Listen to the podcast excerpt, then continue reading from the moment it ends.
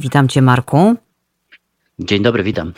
Marku, kiedy byłam dzieckiem, e, mój ojciec do mnie zwykł mawiać, wyrażaj się parlamentarnie. To chyba już e, dawno zapomniane powiedzenie, e, jak patrzymy na to, co dzieje się w polskim parlamencie od czasu do czasu i na przykład na dzisiejszą awanturę tamże. Tak, to prawda. Rzeczywiście no, nasz Sejm ma to do siebie, że co jakiś czas wybuchają tam, chociaż trudno powiedzieć, że wybuchają, ale pojawiają się spory e, nawiązujące do starszych albo nowszych wątków politycznych, społecznych, gospodarczych, które zamieniają się w, e, w wymianę zdań, która tak naprawdę niewiele ma wspólnego i nie licuje wręcz ze stanowiskiem mm, parlamentarnym i z miejscem, w którym się to wszystko odbywa. No, w polskim Sejmie dzieje się znowu za sprawą między innymi chyba głównie dzisiaj katastrofy smoleńskiej. Sprawa katastrofy smoleńskiej wraca, niestety wraca. E, wraca w fatalnym stylu dla Antoniego Macierewicza, szefa tej e, słynnej komisji do spraw badania przy, e, przyczyn tej, tej katastrofy. A wszystko po publikacji stacji TVN24, dokładnie po takim reportażu w audycji Czarno na Białym, gdzie dziennikarz bardzo dokładnie przyjrzał się temu, e, co było nazywane końcowym raportem Komisji Smoleńskiej, e, który to raport w zasadzie, mm, to chyba się pojawił rok temu, potwierdził te tezy, które od początku zakładane było przez Antoniego Macierewicza i środowisko Prawa i Sprawiedliwości z Jarosławem Kaczyńskim na czele, czyli tezę o wybuchu, o zamachu, o ataku, o instalacji materiałów wybuchowych w, w Tupolewie.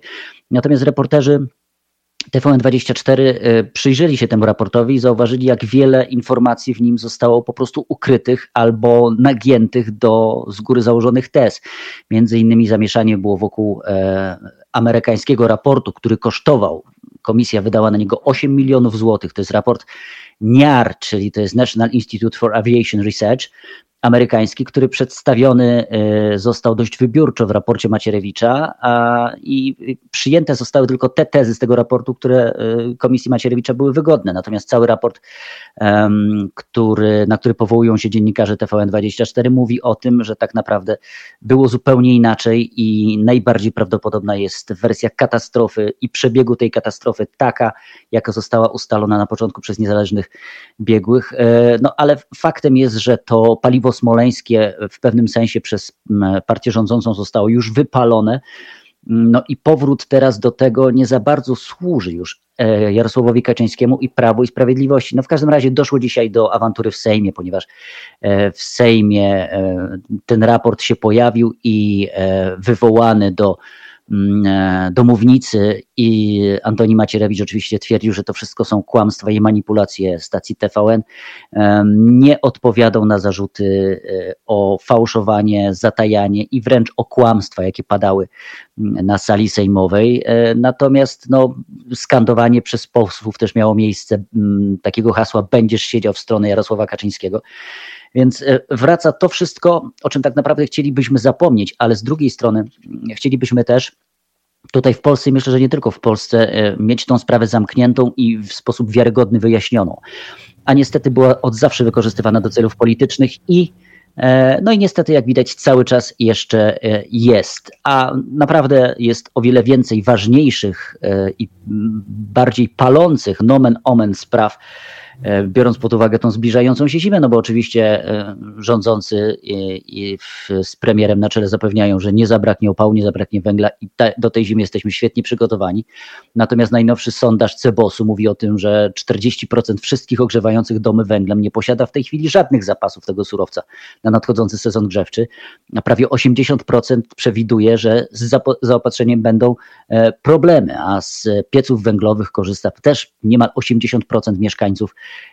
wsi, więc znowu rozjeżdża się to wyobrażenie e, partii rządzącej, rządu Prawa i Sprawiedliwości, ale także części opozycji e, z rzeczywistością. E, jeżdżąc po tych niewielkich miejscowościach, a ja wczoraj miałem taką okazję, ponieważ przygotowywałem materiał o tym, że pewna gmina kupiła trefny pelet, czyli tak naprawdę no, coś, co się nie nadaje do palenia w piecu. Kupiła tego większą ilość, ponieważ chciała się zaopatrzyć na zimę z powodu tego, że nie było węgla. Wydała na to straszne pieniądze. Okazało się, że jest to trujące i nie nadaje się do niczego. A poszły na to publiczne pieniądze. No i teraz jest duży problem. I takich miejsc w Polsce będzie i już teraz jest więcej. Więc jesteśmy na progu jesieni i no, sezonu grzewczego, który będzie trudny, a awantury polityczne e, w tym momencie jak gdyby próbują przykryć to, co jest realnymi problemami w Polsce. Mm -hmm. Dokładnie, a pierwsze e, kaloryfery w niektórych miejscach w Polsce już zaczęły grzać, e, już się schładza w nocy na tyle, że trzeba włączać ogrzewanie. To nie będzie łatwy czas, jak powiedziałeś. Wracając jeszcze do wielkiej awantury dziś w Sejmie i wystąpienia prezesa poza trybem, oczywiście kuriozalne w ogóle. Marszałek Witek ogłasza przerwę pięciominutową, po czym pan prezes wytacza się z ławki i postanawia jednak coś powiedzieć i to, co mówi, to o tym, że wiedział, że jest agentura Putina w Polsce, ale nie wiedział, że aż taka. Czyli tradycyjnie obraca kota do góry ogonem. A tak to wyglądało w skrócie. Słowa mocne padły, zwłaszcza z ust posłanki Barbary Nowackiej, która, jak wiemy, straciła mamę w katastrofie smoleńskiej. Ma dosyć najzwyczajniej w świecie, jak i większość rodzin. Słyszałam, że i te pisowskie się powoli odwracają. A Macierewicz, to no prawda. Cóż, tak, a Macierewicz kłamie. To prawda, najgorsze jest to, tak. tak, najgorsze jest to, że e, w tym momencie nie widać dobrego wyjścia z tej sytuacji, bo e, w każdym normalnie poukładanym kraju e, sprawą powinna zająć się prokuratura, sprawą tego raportu po tych doniesieniach medialnych i spróbować od początku do końca wyjaśnić sprawę. Natomiast prokuratura, która zajmuje się badaniem przyczyn katastrofy smoleńskiej, nie potrafi zamknąć śledztwa, nie chce, nie może. Rodziny smoleńskie mają o to spory żal, uważając, że do tej pory tak naprawdę to śledztwo powinno już zostać dawno zamknięte, ale podejrzewają pewne e, polityczne, czy podejrzewają, te powiązania są jasne, polityczne powiązania z Komisją Smoleńską i chodziło po prostu o to, że prokuratura nie chciała wcześniej kończyć swojego śledztwa, zanim Antoni Macierewicz nie wygłosi swoich tez, no bo siłą rzeczy pewnie doszłoby tutaj do pewnej konfrontacji i sprzeczności wniosków hmm. z jednej strony prokuratora, prokuratorskich, z drugiej strony tych komisyjnych, które są naprawdę bardzo wątpliwe. Hmm, najgorsze jest to, że on wygłosił swoje tezy, oskarżył e, tak naprawdę e, państwo obce, czyli Rosję o to, że dokonała zamachu na prezydenta Rzeczpospolitej, jego żonę i kolejne osoby, po czym nic się e, nie zadziało. A, a prace komisji, która miała być zamknięta, zostały przedłużone, jak wiesz. I tutaj nie można pominąć aspektu finansowego, bo ta komisja pochłania ogromne pieniądze. Płacimy tym ludziom ludziom, 30 którzy tam... milionów. Tak. 30 milionów do tej pory. To są tego pieniądze. 8 milionów to były koszty tego raportu, który tak naprawdę został zignorowany w ogromnej części. Dokładnie. I to są pieniądze, przypomnijmy po raz kolejny, gdyby ktoś myślał, że wyjęte z kapelusza, to są pieniądze państwa, e, podat czyli podatników. E, Piotrek Świerczek zrobił świetną robotę, autor mm. tego dokumentu. Ja zresztą znam go osobiście. On zresztą od dawna pracuje nad tą, jest chyba już, właściwie to wykonał pracę za prokuraturę. To, co powiedziałeś, Marku, że prokuratura powinna się tym zająć, to on tę pracę e, śledczą e, wykonał, ale ja nawet nie, że wątpię, jestem przekonana, że nic dalej się z tym e, nie zadzieje oprócz awantur. Marku, przejdźmy do Ukrainy, bo tam, no wiesz, ja jestem laikiem, ale jak czytam te wszystkie budujące i, i, i dobre informacje o odzyskiwaniu terenów, no to robi mi się trochę cieplej na sercu. Jak to z Twojej perspektywy znawcy tego tematu wygląda? No to chyba wszystkim rzeczywiście robi się troszeczkę cieplej i taka e, pojawia się nadzieja na to, że jednak ta wojna e, po pierwsze skończy się szybciej niż wszyscy przypuszczają, chociaż ja nie uważam, że będzie to zbyt szybko.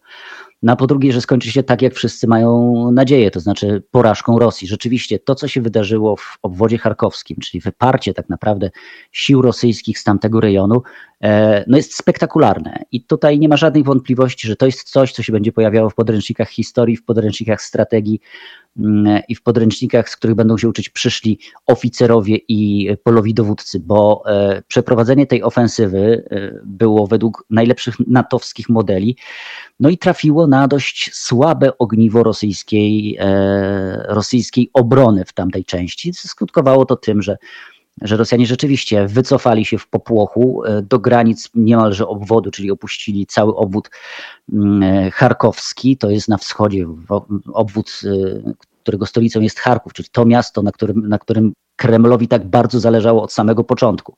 Nie udało się i nic nie wskazuje na to, żeby się, żeby się kiedykolwiek udało. To znaczy, Charków jest już poza zasięgiem Moskwy. Co ciekawe, to co się wydarzyło w tamtym obwodzie ma bardzo duży wpływ na Donbas i na ofensywę w Donbasie, która w tym momencie ma zupełnie przetrącony kręgosłup przez, przez to, że zostały odcięte w tym sąsiednim obwodzie wszystkie szlaki komunikacyjne zaopatrujące, zaopatru, zaopatrujące wojsko. Więc wschód dla Rosji się załamał.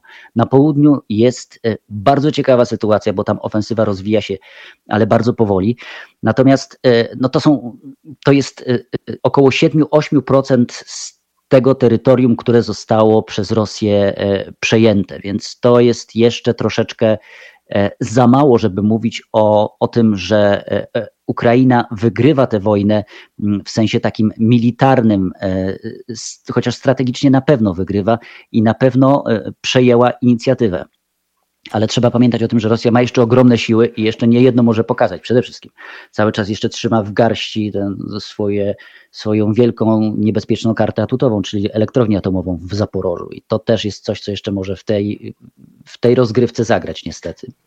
O tych siłach rosyjskich mówił wczoraj admirał Kirby też e, tutaj u nas, że tak jest się z czego cieszyć. Jest to na pewno, mm, jest to na pewno duże takie zwycięstwo strategiczne Ukraińców. No też wiesz, totalnie osłabione znowu dalej morale rosyjskie.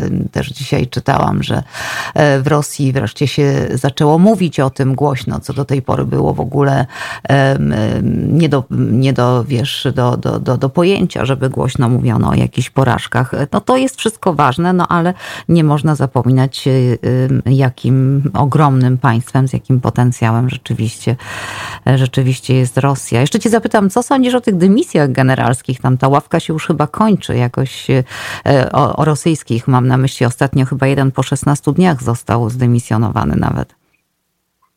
No to jest naturalna kolej rzeczy, że próbuje się szukać i wskazywać osoby, które są odpowiedzialne za, za to, że źle się dzieje, chociaż tak naprawdę e, chyba, chyba już się rzeczywiście kończą te osoby do wskazywania palcem, a na razie e, mimo tych doniesień, które płyną z Kremla, nic nie wskazuje na to, żeby, e, żeby Szojgu stracił swoje stanowisko ministra e, obrony narodowej albo żeby Gerasimow został odsunięty od, e, zupełnie od kierowania wojskiem. No jeżeli tych ludzi pozbędzie się Putin, no to będzie już no. naprawdę świadczyło o tym, że nie ma odwrotu od takiej totalnej porażki. Tej, a tej klęski się nie da już w tej chwili ukryć. To rzeczywiście e, rosyjskie media o tym mówią, rosyjska propaganda nie jest w stanie już znaleźć argumentów na to, żeby żeby w jakiś sposób to tłumaczyć, więc e, ta świadomość będzie rosła i bardzo dobrze, tylko że mm, jakby tu trzeba sobie zdać sprawę z tego, że to pewnie wpłynie na opinię na temat prowadzenia tej wojny, natomiast e, moim zdaniem nie wpłynie na, e, na sposób i na stopień poparcia dla tego, co się dzieje w Ukrainie, bo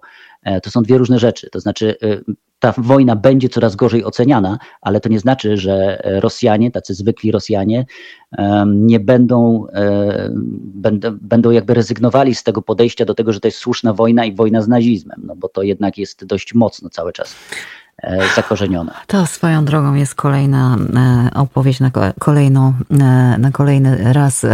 Marku, E, wreszcie doczekaliśmy się. Nowa strefa konfliktu dziś po południu o 5.40. E, możesz nam uchylić rąbkę tajemnicy, co znajdzie się w tym No właściwie, mhm.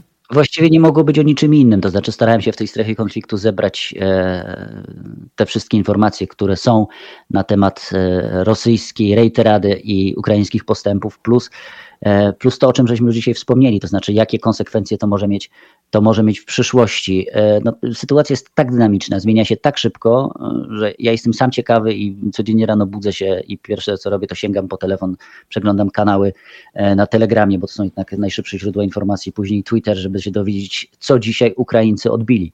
No mam nadzieję, że to się, że to będzie szło w, w dobrym kierunku, ale też z jednej rzeczy jeszcze trzeba sobie zdać sprawę. Na wschodzie walczą zupełnie inne jednostki niż na południu. Oczywiście wszędzie są regularne jednostki armii rosyjskiej, ale na wschodzie bardzo duży trzon tej, tych jednostek e, rosyjskich to są tak zwane, tak zwane milicje tych prorosyjskich republik. To są gorsi żołnierze, znaczy, jeżeli w ogóle można mówić, że to są żołnierze, raczej bojownicy, gorzej wyposażeni, gorzej wyszkoleni, słabsi. Więc tam jest zupełnie inny sort militarny niż ten, który popłynął z, z Krymu w stronę Hersonia, no więc to, to, to też trzeba brać pod uwagę. Niezwykle ciekawe. Ja już czekam bardzo na dzisiejszą strefę konfliktu. Państwu przypominam raz jeszcze, 5.40 spotykamy się z Markiem ponownie, tym razem właśnie w strefie konfliktu. Marek Segacz, bardzo Ci dziękuję. Dziękuję, do usłyszenia. Do usłyszenia.